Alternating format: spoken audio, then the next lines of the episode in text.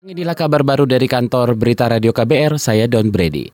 Komisi Pemberantasan Korupsi memeriksa staf ahli Menteri Agama untuk kasus suap jual beli jabatan dengan tersangka bekas Ketua Umum Partai P3, Roma Hormuzi. Informasi selengkapnya bersama rekan reporter Reski Novianto langsung dari Gedung Merah Putih KPK Jakarta. Silakan Reski. Hari ini Komisi Pemberantasan Korupsi atau KPK memanggil mantan Sekretaris Jenderal Mahkamah Konstitusi atau Sekjen MK, Janedri M. Gafar, terkait kasus dugaan suap jual beli jabatan di Kementerian Agama yang menjerat Ketua Umum P3 Roma Hurmuzi.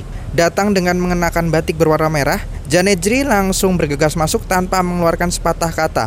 Janejri dipanggil sebagai saksi atas kasus tersebut. Juru bicara KPK Febri Diansah dalam keterangan tertulis mengatakan, Janejri N. Gafar dipanggil dalam posisi sebagai staf ahli Menteri Agama.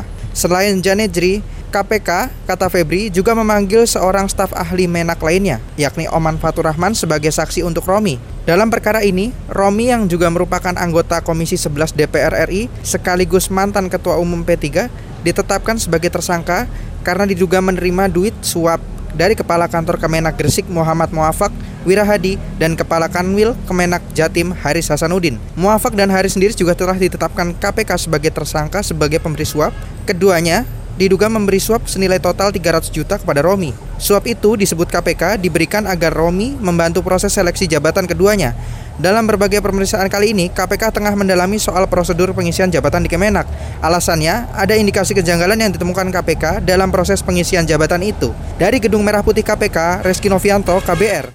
Komisi Nasional Hak Asasi Manusia atau Komnas HAM menyatakan rancangan undang-undang berkelapa sawitan bukan hal mendesak karena konflik agraria di Indonesia sampai saat ini masih terus terjadi. Komisioner Komnas HAM Sandra Yati Moniaga mengatakan rancangan undang-undang perkelapa sawitan bukan jawaban atas persoalan penguasaan dan sengketa lahan yang sering terjadi di berbagai daerah. Konflik agraria yang terus terjadi kata Sandra Yati membuktikan bahwa mandat agraria yang sudah lama digaungkan MPR sejak 2001 lalu belum juga terwujud. Pertanyaannya kan apakah RU ini dapat menjawab persoalan itu atau dia akan malah menambah persoalan baru. Jadi kalau kami melihat dia tidak urgent karena yang kita harus beresin di negara ini adalah konflik agraria dan itu sudah dimandatkan oleh MPR sejak tahun 2001 dan ini belum diprioritaskan sampai sekarang dari periode ke periode.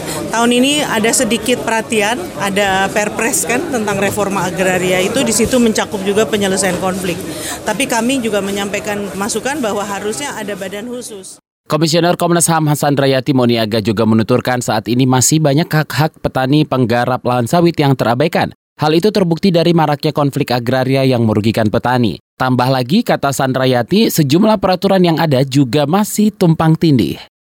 Sanksi hukuman kepada pelaku tetap harus dijatuhkan kepada belasan siswi SMA yang diduga melakukan kekerasan terhadap AU siswi SMP di Pontianak, Kalimantan Barat. Menurut psikolog anak Elizabeth Santosa, para pelaku justru merasa tidak bersalah, apalagi merasa takut dengan sanksi hukuman. Hal itu kata Elizabeth karena faktor psikologis remaja yang masih labil. Ini kan ngegrup. Ngegrup ini kan disebut dengan peer click. Kalau bahasa Indonesia-nya tuh ngegeng.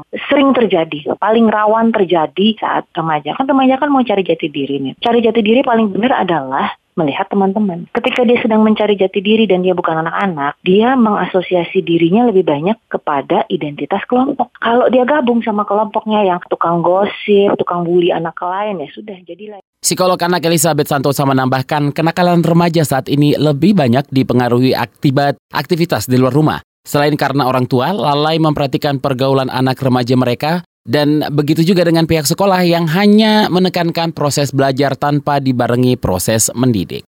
Demikian kabar baru dari kantor Berita Radio KBR, saya Don Brady.